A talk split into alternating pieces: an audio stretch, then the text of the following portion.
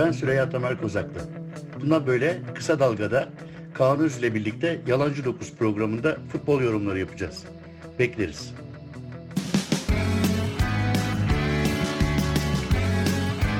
Oku, dinle, izle. Kısa Dalga. Yalancı Dokuz'dan yeniden merhaba. Bildiğimiz gibi Avrupa Kupası'nda eleme e, grupları sona erdi. Daha doğrusu gruplar aşaması sona erdi. Eleme turuna geçildi. Eleme turunda yer alacak 16 takım belli oldu. Tabii milli takımımız bunların arasında yok. O zaten belli olmuştu. Bugün biraz bunu e, eleme turunun turundan beklentiler, takımlar ne olur ne biter onlar üzerine konuşacağız. Kaan merhaba. Merhaba Tamer abi. Ben hemen başlatayım konuşmayı. Bu şampiyonun mimarisinde bir garip bir şey var. 24 takım geliyor. 8 takım eleniyor. Yani sanki insanın aklından geçen en azından yarısı elenmeli falan diye düşünüyor insan. 8 takım eleniyor. Bu nedendir diye düşünüyorum iki gündür. Tabii hemen anlıyorum. Bir maç sayısı. Çünkü e, bu UEFA gibi, FIFA gibi organizasyonlar bu turnuvalardan yayın hakları üzerinden çok ciddi bir gelir elde ediyorlar. O yüzden maç sayısını arttırıcı bir şey olarak bu aslında gruplar aşaması önem kazanıyor. Böylece ne oluyor işte 18 maç oynanmış oluyor ya da şimdi hesaplayamadım herhalde 18 maç oynanmış oluyor ve de başka ülkelerden de izlenebiliyor eskisine şey. Yani artık şu şu da bitti. İnsanlar sadece kendi tuttuk kendi milli takımlarını izlemek değil, aynı zamanda en azından kendi takımlarının olduğu gruptaki takımların diğer maçlarını e, bizim gibiler de neredeyse bütün gruplardaki bütün maçları izlemek gibi bir şeye giriyor. Bu çok ciddi bir ekonomik pasta. Herhalde nedeni bu. Yoksa kura çeksem mesela Türkiye Türkiye'nin tur atlama olasılığı daha yüksek. Yani o mimaride böyle bir aksayan bir şey var. Daha öncesi de biraz garip. 50 küsür takımdan 24'e indiriliyor önce. Aslında buraya gelme şansı %50. Ama Türkiye'de Neredeyse. Evet bu çok abartılıyor Türkiye'de. Sanki çok imkansız bir şeymiş gibi. Hani yazı tura da tura desek tura gelsek turnuvadayız gibi. Aslında olasılık bu. Kesinlikle. Ki bunun, bunun içerisinde o kadar e, uluslararası futbolda renki düşük takımlar var ki aslında Türkiye 50 takım arasından sıyrılarak da gelmiyor. 30-32 takım arasından sıyrılarak geliyor. Türkiye'nin Avrupa kupaları Çok büyütülecek bir başarı değil yani Avrupa Şampiyonası'na değil, katılmak. değil. Çünkü, çünkü neden değil? Dünya sıralamasında Türkiye 29. sırada. Kesinlikle. Avrupa sıralamasında 18. ya da 19. sırada. 18. Peki şu o zaman soruyu hemen şuraya geçirelim. Yani böyle bir turnuvaya katılmak, işte 52 takım arasından 24'e kalmak 75 milyon lira gibi astronomik denilecek bir primle ödüllendirilmeli mi? Hani bir sonraki soru bu. Yani başarı bu mudur? O yüzden bu başarı bu çerçevede ödüllendirilmeli miydi? Neyse e, gru- gruplara geçelim. Türkiye'yi daha sonra yeniden Tabii ki. zaten. Şimdi şöyle hızlı e, hatırlatalım. Bizim grubumuzda İtalya, Galler ve İsviçre. E, B grubundan Belçika, Danimarka. E, eskiden bunlara biz Benelux ülkeleri derdik. C Evet. grubundan Hollanda, Avusturya, Ukrayna. D grubundan İngiltere, Hırvatistan, Çekya. E grubundan İsveç, İspanya. F grubundan da yani ölüm grubu falan diye adlandırılan gruptan da Fransa, Almanya, Portekiz. Üçü de çıktılar. Ve cumartesi Evet. de ilk tur ilk Hollanda, Çekya, Belçika, Portekiz'de ilk şeylerin eleme, eleme maçları başlayacak. Şimdi ben turnuva boyunca bu gruplardan bu maçların hemen hepsini izledim. Fakat zayıf kaldığım Hollanda'nın grubu yani C grubu da zayıf kaldım nedense. Orada çok az maç izledim. Bazı maçların yarı devrelerini izledim. Bir de İspanya'nın olduğu grup E grubunda da çok iyi bir izleyici olmadım. Ama tabii son İspanya maçını izledim. İlk, ilk İspanya maçını da izledim. İs- İspanya'nın geri dönüşü olarak değerlendiriyorum onu. Tabii F grubunu aynı kendi grubumuz gibi çok büyük bir titizlikle izledim. Genel eğilimim şu. Ya beni sevindiren bir turnuva oldu şimdiye kadar. Genel olarak oynamaya dayalı takımların öne çıktığı bir turnuva oluyor bence. Oynat, Evet. oynamamaya ve oynatmamaya dayalı takımlar. Hatırlarsan Yunanistan bu anlayışa dayalı bir futbolla Avrupa şampiyonu olmuştu zamanında. Kesinlikle.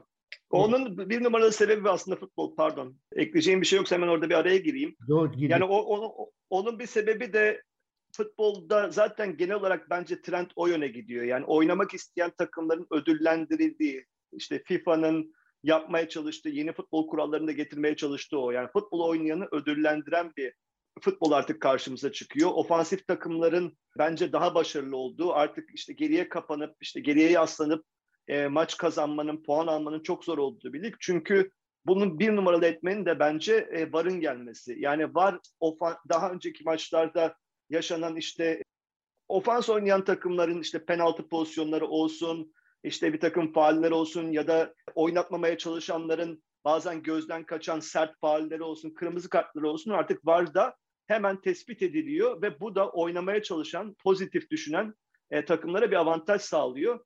Ben hala anlayamıyorum yani bazen farklı liglerde de karşıma çıkıyor. Geriye yaslanıp işte defans yapmaya çalışan takımlar maalesef bu sürdürülebilir bir şey değil. Mutlaka bir şekilde cezalandırılıyor. Bu bir işte penaltı pozisyonu olsun Barın yakaladığı ya da işte bir kırmızı kart olsun ve bunun bence çok büyük etkisi oldu bu turnuvada. Doğru. Aynı zamanda şey de etkili. Atletik kapasite çok yükseldi. Artık çok hızlı oynanıyor oyun. Bir de bence top kontrolü çok gelişti. Yani mesela bu Türkiye liglerinde de çok ciddi bir problem. Çok uzaktan, çok fuleli, yüksek hızla gelen topları bile artık for- forvetler tek harekette kontrol edip doğru yönlendirebiliyorlar. Mesela bu çok konuşulmuyor ama futbolda yeni bir şey aslında bu. O yüzden alan daraltmaya dayanan takımlar mutlaka açık vermek durumundalar. Çünkü çok absürt bir yere atılan topu bile kontrol edebilecek forvetler var artık. Yani mesela Raheem Sterling diye bir adam var. Bunun artık şeyi e, üstadı oldu. Yani 3 kişinin arasına 70 metreden gelen pası ayağını sokup oradan çekip 3 kişiyi ekart edip devam edebiliyor. Yani bunu hani bir oyuncuyu yıldızlaştırmak için söylemiyorum. Futbolun bu kapasitesi çok yükseldi.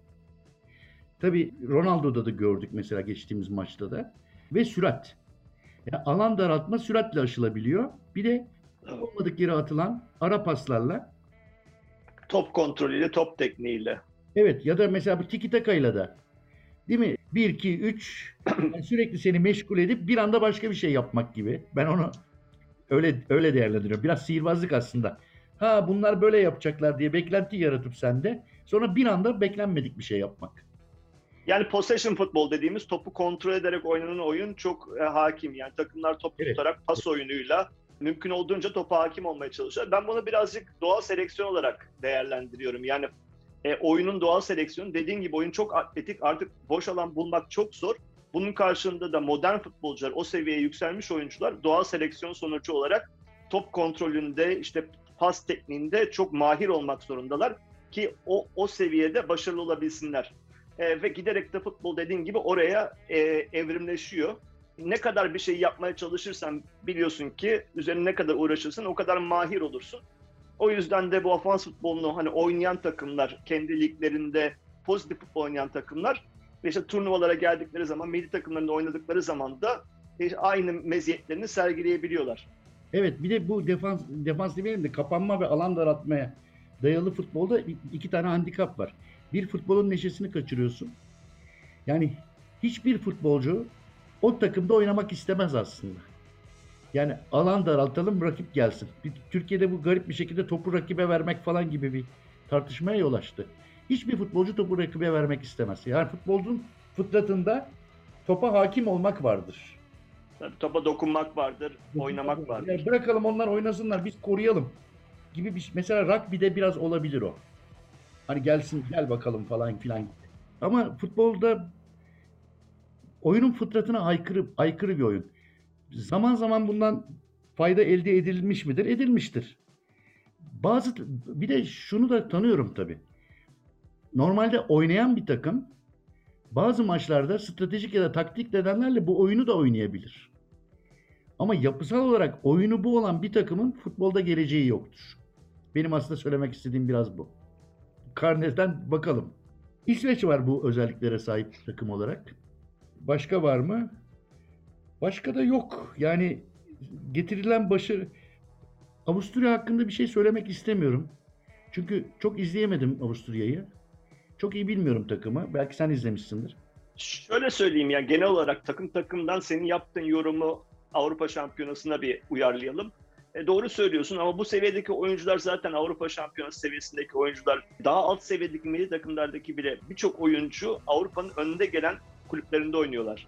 E, yani çok pozitif futbol oynayan, ofansif futbol oynayan. Mesela İsveç örneğini verdin. İsveç'in son maçında iki tane golünü atan Forsberg, Red Bull Leipzig oyuncusu. Yani belki Avrupa'nın en ofansif futbol oynayan, en ileride basan takımlarından bir tanesi.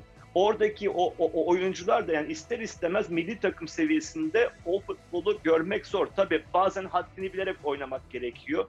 Yani İspanya gibi bir takıma karşı oynarsan bazen oyunu geride kabul etmen gerekiyor. Zaten oyun seni ona zorluyor. O konuda pek yapabileceğim bir şey yok. Türkiye Ligi'nde de maalesef eskiden daha fazlaydı. İşte büyük takımlarla Anadolu takımları arasında daha büyük bir uçurum vardı oyuncu kalitesi anlamında. O makas kapandıkça ofansif futbolda yerleşmeye, daha fazla yerleşmeye başladı. Bu birazcık işte eldeki malzemeyle bağlantılı bir şey ama bence işte ne verirsen e, takımına mantalite olarak zamanla oyuncular o karakteri ediyorlar ve çok güzel bir saptama yaptın. Yani bütün oyuncular pozitif futbol oynamak isterler. Bütün oyuncular hücum futbol oynamak isterler. Bütün futbolcular gol atmak isterler bir maçta. Maçı kazanmak isterler. Oyunculara bununla aksi bir misyon yüklemek bence futbolun doğasına aykırı. Öldürüyor. Ve, ve bu turnu Evet öldürüyor futbolu. Bu turnuvada da bu seviyede de oyuncular zaten milyonlarca insanların izlediği turnuvadaki oyuncular e, istekleri da, do, şeyinde böyle bir futbola tercih etmezler diye düşünüyorum. Bazen skor icabı öndeyken oyun seni oraya e, şey yapabilir. Oyun seni oraya götürebilir. İşte İsveç İspanya maçında da gördük. İsveç bize çok kötü gözükmüştü ama İspanya'nın bu oyunu e, çok iyi domine ettiği yani bu tip oyunu çok iyi oynadı pas oyunu ve İsveç'in maalesef e, bundan dolayı geride kalmak zorunda kaldığı bir oyun oldu. Bir şekilde de istediklerini aldılar. Vallahi sonraki daha sonraki İspanya maçında aslında şansları yaver gitti. Evet, evet. İspanya'nın zaten çok büyük bir şanssızlığı vardı turnuvanın başından yani aslında oynadıkları oyunla örtüşmeyen sonuçlar aldılar. İlk iki maçta acaba dedik yani İspanya bizim düşündüğümüz kadar iyi değil mi ya da sonucu değiştirecek kalitede oyuncuları yok mu diye düşünürken e, son maçta bir patlama yaptılar. İşte o komik gol, Slovakya kalecisinin yediği komik gol, şanssız gol diyelim. E, İspanya'nın şansı oldu ve o noktadan sonra İspanya'nın şansı döndü. Ve şu anda baktığın zaman çok büyük yıldızları olmamasına rağmen öne çıkan diğer takımlardaki dünya yıldız seviyesinde oyuncular olmamasına rağmen çok kaliteli bir takımları var. Dünyanın en önde gelen takımlarında oynayan oyuncuları var. Ve iyi bir görüntü sergiliyorlar. Biraz hızlı bir geçiş oldu İspanya'ya ama. Çok uygun bir zamanda o ivmeyi kazandı.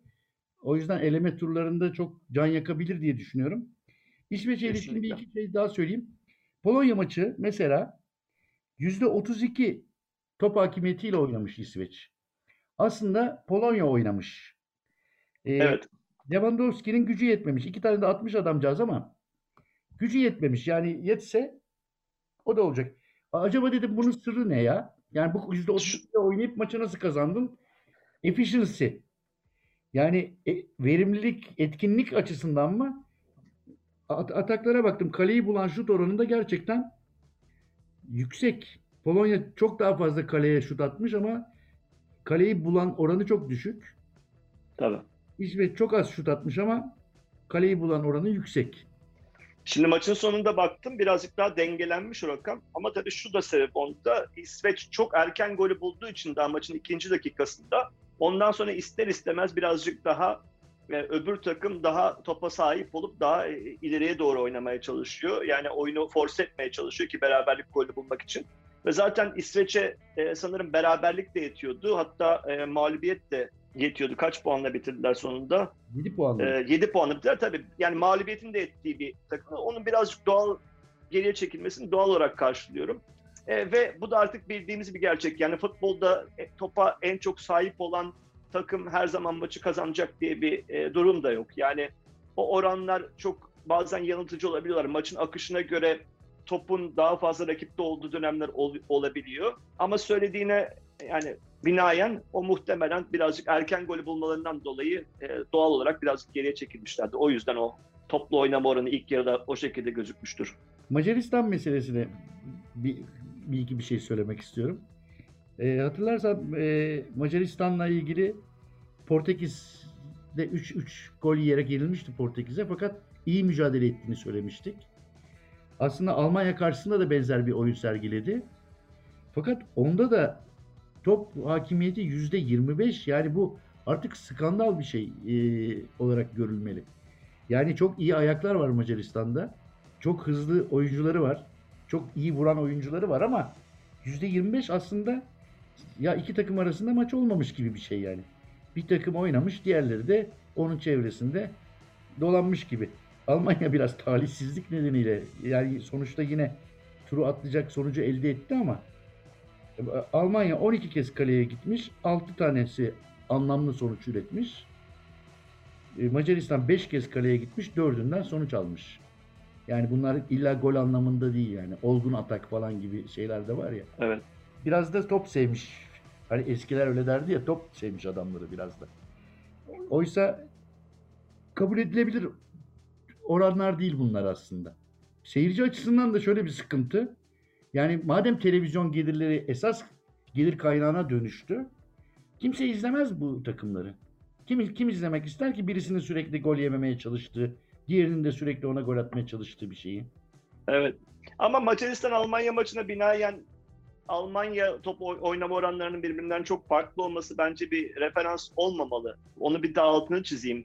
Yani bazen maçların doğası gereği bir takımın mutlak kazanması, ve kazanmak durumunda olmasından dolayı o, o, o, o oranlar değişebiliyor. Doğru. İkinci yarıda. Yani o her Evet evet yani onu da çok fazla e, şey yapmamak lazım, kritize etmemek lazım topla az oynayan takımları. Çünkü maçın gereği olabiliyor. Macaristan maçı da aynı İsveç maçı gibi. Macaristan gol erken buldu. Almanya tabii ki hani Almanya turnuvanın favorilerinden bir tanesi. Dünyanın en önde gelen takımlarından bir tanesi. Mutlak kazanması gereken bir maç. E, o baskıyı oluşturuyor. İster istemez bir refleks olarak da Macaristan'ın oyuncular geriye çekilme durumu oluyor. Topu rakibe verme durumu oluyor. Bu sonuçlar çıkabiliyor. Ama benim izlediğim maçta ben aralarında hep gidip geldim. İzlediğim dönemlerde Macaristan da Almanya karşısında aslında çok karakterli bir oyun oynadı. Yani ben e, kafamda hani bugün için manşeti hazırlamıştım diyeyim. Alman panzerleri arıza yaptı diyecektik belki bugün. Oyunun son dakikalarına kadar öyle bir görüntü vardı. Macaristan ne olursa olsun sanki e, o gün o puanı alacak gibiydi. İşte o galibiyet alacak gibiydi. E, Almanya'nın beraberlik golüne hemen cevap verdiler. E, hiç Almanya'dan beklenmeyecek bir şey. Bir dakika içerisinde Almanya'nın artık konsantrasyon eksikliği mi diyelim, e, diziliş hatası mı diyelim, o golü yemesi. Yani bütün dinamikler Macaristan lehineydi. Macaristan çok Macaristan çok aslında belki istatistikler öyle gözükmüş olsa da çok geriye çekilmiş şek- şekilde de oynamıyordu. Yani çıkabildiği noktada çıkıyordu. Çok fazla hapsolmuştu. Yok, yok, bu, Ama son bu top hakimiyeti verisini biraz çarpıtan şey Almanya'nın beraberliğe muhtaç olmasıydı. Evet. İkinci yarının özellikle son 30 dakikalık kısmında Almanya çaresizce topla oynadı. Bu etkilemiş o şeyi. Ama tabii e, Macaristan'ın şöyle mücadeleci bir takım olduğunu görüyoruz. Çok iyi ayakları var. E, ve başarılı olabiliyor yani bizimle karşılaştırma kısmına hiç girmek bile istemiyorum. Ki senin daha ilk programımızda söylediğin Sobolovski gibi, Sobolovski gibi bir yıldızlarından yoksun olarak turnuvada olduğu halde. Evet ben de şimdi ismini söyleyeceğiz. Telaffuz etmem gerekirse program biter diye hiç girmek istemedim o konuya. Madem sen söyledin. Aynen dediğin gibi e, en büyük yıldızları, yıldız adayları bence Macaristan futbolunun belki son 20-30 senede gördüğü en yetenekli oyuncu olmamasına rağmen hadlerini bilerek ama yürekli bir futbol oynadılar. Tabii işte kendi sahalarında oynamaları, ilk iki maçı seyircilerinin arkalarına almaları da onlara ayrı bir hava katmış olabilir. Çünkü biliyorsun bu da de maçlar tam kapasite oynandı. O da ayrı bir e, motivasyon getirmiş olabilir oyuncuların üzerine. Ama ben Macaristan takımının mücadelesinden dolayı tebrik ediyorum onları. Çok yürekli bir futbol oynadılar. Değil mi? Evet. Seni de tebrik edebilirim herhalde artık. Çünkü sizin de bir oyuncunuz vardı orada ve muhtemelen de Atilla. bu turnuvada da evet aynı Atilla güzel bir performans sergiledi. Muhtemelen ciddi transfer teklifleri alacaktır diye düşünüyorum. Belki sizin de bu işte ekonomik realite içerisinde satmayı düşüneceğiniz bir oyuncu olabilir. Ve güzel diğer Türk takımları için de örnek bir transfer olmuş olabilir. Çünkü bakıldığı zaman geldiği kulüp itibariyle, geldiği lig itibariyle ve alındığı fiyatla e, muhtem satılması muhtemelen fiyat arasında da çok güzel bir kazanç olacak Fenerbahçe adına. O anlamda da hani onun da altını çizmek isterim. Fenerbahçe'nin bir oyuncusunun bu turnuvada bu kadar değerlenmiş olması ve Fenerbahçe scouting ekibini de tebrik etmek gerekiyor. Evet evet bence de Fenerbahçe için hayırlı olacak. Kalması durumunda da hayırlı bence. Çünkü Atilla'nın gidişiyle birlikte onun yerine olmadık birinin gelmesi riskini de göze alamıyorum doğrusu Kaan. Doğru, doğru. Geçen sene yani sizi tabii yine şampiyonluğu kazandıracak Fenerbahçe gibi bir takım bence stoperlerden daha çok ileriki bölgedeki oyuncuları. Yani benim nacizane tavsiyem Fenerbahçe yönetimine iyi bir teklif gelirse satmaları yönünde olur. Ama tabii ki Fenerbahçe'nin dinamikleri farklı mutlaka mutlak şampiyonluk istiyor. Yerine iyi bir alternatife dolduramayacaklarsa da çok acele etmelerine de gerek yok. Çünkü Atilla Sallay önümüzdeki sene dünya şampiyonası var. E, Macaristan'ın durumu belli değil ama oyuncunun yaşı itibariyle stoper pozisyonu için genç bir oyuncu. Hani bir sene sonra da belki bu turnuvanın hemen akabinde alacağı teklifleri alamasa da bir değeri olacaktır diye düşünüyorum.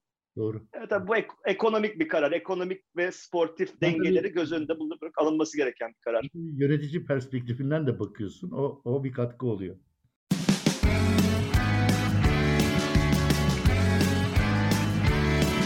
Kulağınız bizde olsun. Kısa Dalga Podcast. Şöyle yapalım mı acaba? Hızlıca bir A, B, C diye gidelim. Ben bir İtalya ile ilgili bir iki, iki şey söylemek istiyorum. Birazcık hani hakkını yediğimizi fark ettiğim bir takım oldu. Yani A, B grubu, bizim gruptan ufak bir kısa bir şey yaparak başlayayım. Ben İtalya'nın yani İtalya'yı şu anda turnuvanın en büyük favorilerinden biri olarak görüyorum. Turnuva başında belki kamuoyunun yani senin benim çok fark etmediğimiz bir takımdı. Ama ilk Çünkü maçtan o sonra, ilk maçtan sonra yaptığımız programda aynen böyle demişiz yani konuşmuşuz. Kesinlikle ama turnuvanın başında sanırım hiçbirimiz bu, bu kadar favori olacaklarını düşünmüyorduk. İşte yapılan kamuoyu araştırmalarında da, da İtalya hiç ön plana çıkmıyordu. İşte Fransa'dan çok bahsediliyordu, İngiltere'den bahsediliyordu biraz ama İtalya bu kadar ön planda değildi. İtalya bence turnuvanın şu anda oynadığı futbol itibariyle en büyük favorisidir. E, tabii ilerleyen maçlar, eleme maçları, tek maçta elemelerde her şey olabilir. Çünkü bu seviyeli takımlar çok kötü. O günkü form bazen belirleyici olur. Ama İtalya oynadığı futbol, motivasyonu, her şeyden önce motivasyonu, teknik direktörünün kalitesi ile bu turnuvanın e, en büyük şampiyonluk adayıdır benim için şu anda. O yüzden Ayrıca de Mancini'yi kurmuş olduğu bu takımdan dolayı tebrik etmek lazım. Ayrıca ilk turdaki rakibi de İtalya için bir avantaj olarak görülebilir bence. Avusturya ile oynayacak. Çok zorlanacağını düşünmüyorum doğrusu Avusturya'yı geçmekte. Bence de yani İtalya'nın sonuçta geçeceği bir maç olacaktır. Aralarında ciddi bir güç farkı var ama ben bu seviyede İtalya'da olsa her zaman bir sürpriz mümkündür. Yani Avusturya'da e, bireysel iyi oyuncular olan bir takım. Ama Avusturya İtalya eşleşmesinde geçen takım muhtemelen İtalya olacaktır. Ve sanırım Roma'da oynanacak bu maç. O zaman Galler ve İsviçre üzerinde bir şey söyleyecek miyiz yoksa B grubu? Söyleyelim. Galler ve İsviçre'de söyleyeyim. Galler de aynı Dünya Kupası'nda yaptığı gibi bizi pozitif anlamda şaşırtmaya devam ediyor. Belki kadrosu itibariyle, kadro kalitesi itibariyle ve işte yakaladıkları performans itibariyle en göze batan takım. Yani gücüne göre en iyi performansı sergileyen takım şu anda. Bir sürpriz yapabilirler mi? Sürpriz olmaz çünkü tam dişine göre bir rakip var. Danimarka. Yani Evet. deseler ki bu turnuvadan birbirine denk iki takım bana kim derseniz valla ben Galler'le Danimarka derdim yani. Danimarka turnuva öncesinde benim çok beğendiğim bir takımdı. Grup maçlarından çok iyi çıktılar. Turnuvaya kötü bir başlangıç yaptılar. Tabii o şanssız olayın da e, Eriksen olayının da biraz etkisinde kaldılar psikolojik olarak oyuncular. Ondan sonra gelen bir mağlubiyet ama son maçta e, güzel bir galibiyetle, e, güçlü bir galibiyetle e, tekrar biz de burada varız dediler. O maçta güzel bir maç olacak diye tahmin ediyorum. Çünkü iki tane takım oyunu oynayan, yürekli oynayan, şu anda Danimarka'da iyi bir moral motivasyonunda, e, Galler'de çok iyi bir moral motivasyonunda güzel güzel bir mücadele olacağını Yani düşünüyorum. takım arasında. olmayan bir maç anlamında söyledim. İtalya Avusturya maçında İtalya favori tabii. Kaybedebilir o ayrı bir konu. Ama Evet. Danimarka maçında kim kazanırsa o maçın hakkıdır diye düşünebilir. Favori yok yani bu maçta. Kağıt üzerinde Danimarka derim yine de. Öyle mi? Ama e, her zaman bir sürpriz olabilir ama kağıt üzerinde sorarsan benim favorim Danimarka olur. Ama içimdeki Galli de diyorsun. Üzülür biraz. Evet Ga- Ga- Ga- Galler'i gerçekten o, o, o amatör ruhlarından dolayı işte o bir iki tane iyi yıldızın işte Bale'ın ve Aaron Ramsey'nin etrafında toplanmış daha amatör ruhlu oynayan oyunculardan oluşan bir takım olduğu için bir sempati duyuyorum açıkçası. Bende de Galler şey duygusu yaratıyor. Böyle bir pub'da buluşuyorlar, maça gidiyorlar duygusu yaratıyor. Özel bir sempatim var yani. güzel güzel benzetme. İsviçre İsviçre'yi konuşmuştuk istersen onu pas geçelim. Yani bir de süre kıstasına uymak için aslında şey yapıyorum. İsviçre bizden daha iyi bir takım olduğunu gösterdi turnuvada. Ama çok çok da ileri gidebilecek bir takım izlenimi de yaratmadı bence. Tecrübeden dolayı bence de bir noktada yani iyi bir takım. O da her türlü sürprize açık bir takım. Çünkü bireysel olarak baktığında iyi oyuncuları var. E, Shakiri şu anda çok formda. Yani biz bizim sayemizde de diyebiliriz. Bizim maçtan sonra bir iyi bir moral yakaladı. Belki de turnuva başında e, akıllarında olmayan bir oyuncu daha kazanmış oldular. Onun haricinde de işte orta sahada Şaka olsun, Seferovic olsun. O da Portekiz'de Benfica ile çok iyi bir sezon geçirdi. Bireysel olarak iyi oyuncuları var. E, Embola tabii ki atlamamak lazım. Bence turnuvanın en gözü çarpan genç oyuncularından bir tanesi. Bireysel iyi oyuncuları olsa da dediğim gibi gidebilecekleri ben de kısıtlı görüyorum. Bir de rakip, bir sonraki tur rakip Fransa. Tabii orada zaten Fransa kesinlikle açık kazanacaktır. Açık favori. Orada bir sürpriz olmaz diye düşünüyorum. B grubundan Belçika tabii. Sanırım en yüksek puan üreterek gelen takım Belçika oldu. Değil mi? 9 puanla geldi. Evet. Ben de Belçika maçlarından sadece bir tanesini izleyebildim. Sen daha çok izlemiş olabilirsin. Evet, kısım kısım izledim. Yani ilk maçlarını izleyemedim. İşte sen o ilk maçlarını sen pek Belçika'dan Belçika'yı beğenmediğini söylemiştin yanlış hatırlamıyorsam. Evet, evet. Ama baktığın zaman tabii dünya sıralamasında bir numaralı bir takım. Dünyanın şu anda en iyi takımı olarak gözüküyor milli takım olarak. Turnuvada da birçok kişinin favori gösterdiği bir takım. Çok kaliteli oyuncuları var. Yani belki turnuvanın en iyi santraforu, en formda santraforu şu anda onlarda. Belki turnuvanın en iyi arkasında santrafor arkası, forvet arkası oyuncusu Kevin De Bruyne onlarda. Onun yanında da çok kaliteli oyuncuları var. Belçika her şeyi yapmaya müsait bir takım ama tabii ki onların da büyük turnuvalarda çok büyük bir başarı kültürleri yok. Futbol dışında bir ulusal motivasyonları da yok. O anlamda hep o motivasyonu yakalamaya çalışmış bir ülke. İşte ülkenin yapısından dolayı biliyorsun öyle bir milliyetçi bir kimliği olmayan bir ülke. E, milli takıma da hep bunun yansıması e, negatif olmuş. Dönem dönem iyi jenerasyonlar yakalasalar da bence o ulusal bütünlüğü yakalayamadıkları için bir türlü büyük turnuvalarda başarılı olamamış bir takım. Bu turnuva değiştirir mi, bir sürpriz olur mu göreceğiz. Rakipleri Portekiz. Tabii onu da konuşacağız. E, Portekiz'de yani demin İtalya için söylediklerin yani Portekiz'in bir talihsiz Almanya maçı oldu ama Portekiz kötü bir takım değil ve de çok problem çözen, çok hızlı hareket edebilen, beklenmedik şeyler yapabilen bir takım hala. Ve daha önce Avrupa Şampiyonluğu deneyimi olan bir takım. Çok büyük bir yıldızı var ve penaltı atmanın şeyini yeniden tarif ediyor son zamanlarda. Yani bu maçta da Portekiz favori desek çok mu fazla abartmış oluruz? Ben kesinlikle Portekiz, yani favori söylenemeyecek bir maç. Kesinlikle üç ihtimalle bir maç. Portekiz'de olabilir, Belçika'da olabilir. O günkü form belirleyici olacaktır. Oyun kalitesi olarak baktığın zaman şu ana kadar e, turnuvadaki ben Belçika'yı favori gösteririm ama işte yine bu tip turnuvalarda önem kazanan işte olayın duygusal tarafına baktığın zaman e, işte, ulusal e, motivasyona baktığın zaman e, Ronaldo'nun belki işte son Avrupa şampiyonası olması sebebiyle olacak olması, onun getirdiği ekstra motivasyon, liderlik burada bir fark yaratabilir Portekiz adına. Ama günün sonunda çok net olmamakla beraber ben de Portekiz'i işte bu saymış olduğum e, sebeplerden dolayı işte daha çok ulusal birlik, motivasyon ve Ronaldo faktöründen dolayı bir tık öne koyarım ama hiç de belli olmaz yani öyle bir maç. Geldik Hollanda grubuna. Burada burası benim Hollanda konusunda fikirlerim var ama Avusturya ve Ukrayna konusu çok bilinmez benim için. Ee, Hollanda şöyle konuşmuşuz daha önce. Ya 3 ay önce bu bizim yendiğimiz Hollanda mı diye konuşmuşuz. Çok sağlam bir oyunu var görüyoruz yani. Tabii. O yüzden de biraz oldu zaten hani izlemedim dedin ya biraz bilinçaltı olarak zaten diğer üç takım işte Avusturya, Makedonya, Ukrayna çok öyle üst seviye gözükmeyen takımlar. Bir de diyorsun ki Hollanda işte bizim iki ay önce dört attığımız Hollanda E bu grup diyorsun çok fazla izlemeye değer gibi görüyorsun. Hep biraz bilinçaltında öyle bir şey oldu ama e, turnuva ilerledikçe e, grubun da biraz kısmen kolay olması Hollanda'yı iyi gösterdi. Yani turnuvaya turnuvaya iyi ısındılar. 9 puanla bitirdiler grubu. E, bu tabii önemli bir başarı. Onlar da ama ben Hollanda'nın da ya, bazı oyuncuların liderliği var. Her zaman her şey yapabilecek bir takım ama geride zaafları olduğunu düşünüyorum ve o zaafları başlarına iç açabilir ilerleyen turlarda. Ama turnuva tecrübesi de yüksek bir takım. Yani çok final oynamış şimdiye kadar bazılarını almış. Gerçi Hollanda'nın özelliği final oynayıp kaybetme şampiyonu aslında. Öyle. Ama bu jenerasyon milli takım tecrübesi çok yeni bir jenerasyon. Ronald de Boer yeni bir takım kurmaya çalıştı. Arasında milli takımı yeni oynayan oyuncular var. Yeni bir jenerasyonu çıkartmaya çalışıyorlar. O bazen avantaj da olabilir, e, olabilir. Onu artık ilerleyen turlarda göreceğiz. Hollanda bilinmeyen kutu diyebiliriz ama baktığım zaman işte e, formlarına bu 9 puanın çok aldatıcı olmaması gerektiğini düşünüyorum. Çünkü kısmen kolay bir grupta oynadılar.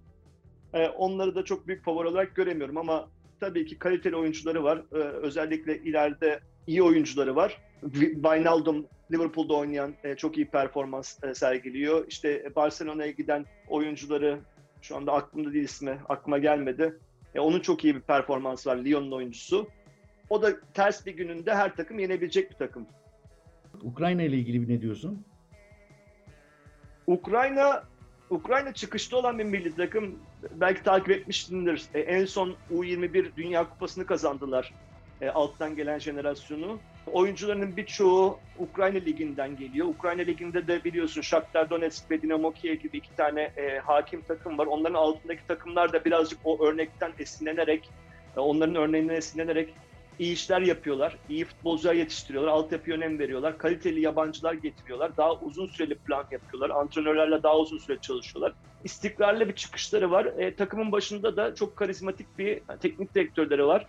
Ukrayna futbolunun tartışmasız en büyük yıldızı. Ben Şevçenko'yu futbolculuğunda da çok beğenirdim. Antrenöründe de elindeki kadroyla, kadro kalitesine göre iyi işler yaptığını düşünüyorum. İsveç'le oynayacaklar. Bu da herhalde e, favorisi olmayan maç mı diyeceğiz buna da. Ukrayna'yı ben tercih ederim. Umarım öyle olur. Yani böyle bir İsveç, anti İsveç bir noktaya düşmek istemem ama. Benim de hissim sanki Ukrayna alabilirmiş gibi geliyor. E, İngiltere'ye çok övgülerde bulunmuştuk biz. İlk turda, ilk maçlarda. Sonra İngiltere, yani İngiltere tabii eleme turuna kaldı. Ama sonraki maçlarda bir sallandı gibi mi sence? Ben İngiltere'yi şöyle görüyorum. Turnuvaya hazırlık maçlarında da yani turnuvaya gelene kadar da sanki rölantide oynuyorlar gibiydi. Yani kazanmak için yeterli futbolu oynayıp bırakıyorlar gibi hisse kapıldım. Yani çok fazla enerji harcamak istemiyorlar. Bunun için de herhalde kendilerini işte bu son 16'ya saklıyorlar diye düşünüyordum. Birazcık işte o yavaş momentumları diyeyim. Dikkat ettiysen hep hazırlık maçlarında turnuvaya gelene kadar işte 1-0 e, gibi skorlarla kazandılar. Ama kazanmayı da bildiler. Çok kaliteli ayakları var. E, ama dünyanın en zor liginden geliyorlar. Muhtemelen toplam oyuncuların sezon boyunca oynadığı maç sayısına baktığın zaman e, en çok yorulmuş olan takım. Ben bu sebeplerden dolayı oyuncuların şu ana kadar kendilerini birazcık daha idareli kullandığı, zaten e, sıcakta da maç oynadılar, gündüz saatlerinde de maç oynadılar. Birazcık daha kendilerini rölantide tuttuklarını hissediyorum. Bu maçta artık ak gün kara gün belli olacak diyelim. Çünkü karşılarında bir Almanya var. E, bir nevi erken final olarak görülebilecek bir maç. Herhalde bu maçta ki performansları turnuvanın geri kalanı için İngiltere'nin kaderini belirleyecektir. Buradan alacakları iyi bir sonuç, iyi bir futbol onları finale kadar hatta kupaya kadar taşıyabilir. Aslında iki takımın ortak özelliği bu turnuva için konuşuyorum tabii genel olarak değil. İki takımın ortak özelliği bir tam bir İngiltere olamamak, tam bir Almanya olamamak gibi şeyler yaşadılar bu turnuvada. Mesela Almanya hani açken Almanya Almanya değildir diyebiliriz belki. O panzerler şeyi yok aslında Almanya'da. Kesinlikle. Almanya o eski korkutuculuğu yok. Bir kimlik karmaşası yaşıyor Almanya. Böyle biraz psikanaliz üzerinden konuşacak olursak. Yani Almanya tam şeyini bulamadı. Gerçi Löw'ün maçın son 20 dakikasında delice o golü istemesi ve neredeyse artık sahaya girip oynama arzusunu sergilemesi falan E, öyle bir Almanya'ya yakışmaz aslında o tutumlarda. Almanya soğukkanlı Ama- bir şekilde gol, golü planlar ve atardı yani eskiden. Biliyorsun ama Löw kenarda bir Alman'a nazaran bayağı kendini kaybeden bir hoca. Çok enteresan durumlarda da yakalandığı oluyor maçın heyecanıyla. Ya hiç hatırlat. E, Bizim bizde de hocalık yaptığı için böyle bir sempatim vardı. Bir günde bitirdi benim bütün sempatimi. Yani bu maçın favorisi bana göre İngiltere olmalı açıkça. Ama o ilk maçtaki İngiltere sahaya çıkabilirse bu maçın tartışmasız favorisi İngiltere'dir. Ama öyle çıkabil mesela Kane son maçta neredeyse etkisiz eleman gibiydi. Doğru. Ama onu aşabilirlerse ki bir de İngiltere'de santraforlar başka ülkelerin santraforlarından daha önemlidir. Doğru. Çünkü ilerideki oyun kurgusu çok on- onlar merkezinde yapıldığı için gol atmasalar bile onların iyi olması önemlidir. Bütün takımın moral motivasyonunu şunu bunu belirlerler. Yani e, Fener- eskiden Fenerbahçe'ye dair söylenen bir şey vardır.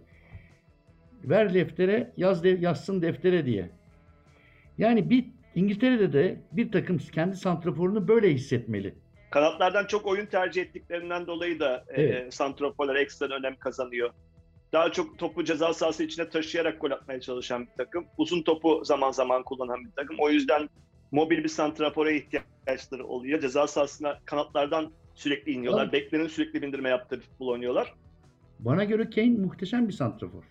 Eğer İngiliz Evet. olmayıp Portekizli olsaydı Premier Lig'de şu anda kazandığının 3 katını kazanıyor olacaktı. Ve çok daha büyük bir yıldız olacaktı aslında.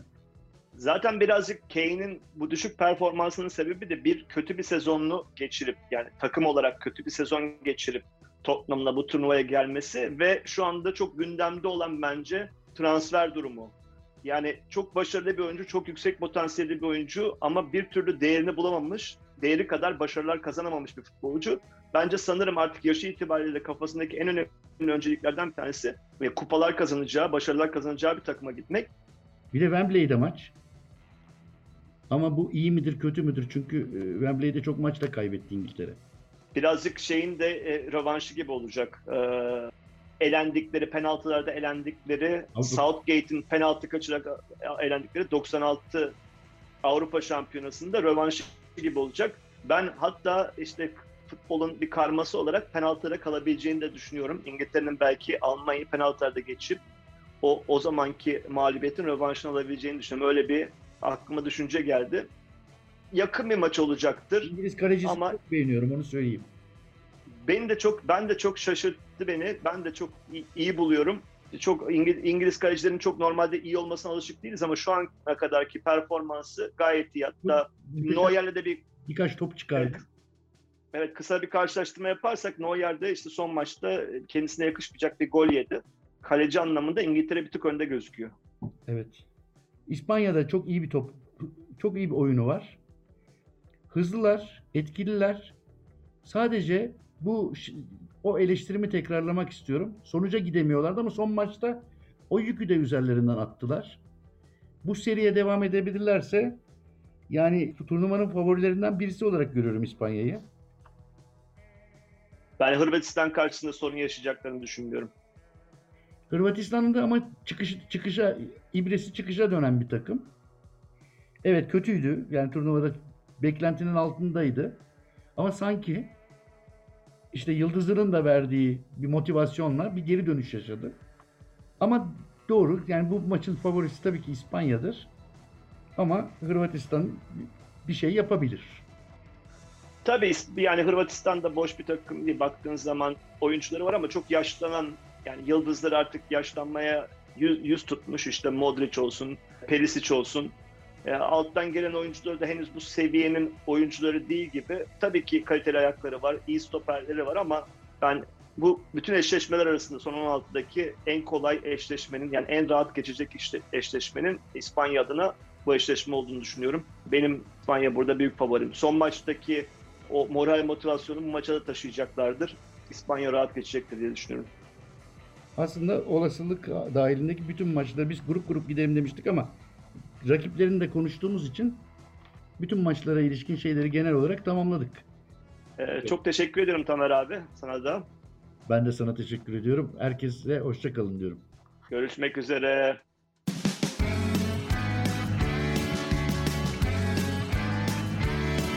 Kulağınız bizde olsun. Kısa Dalga Podcast.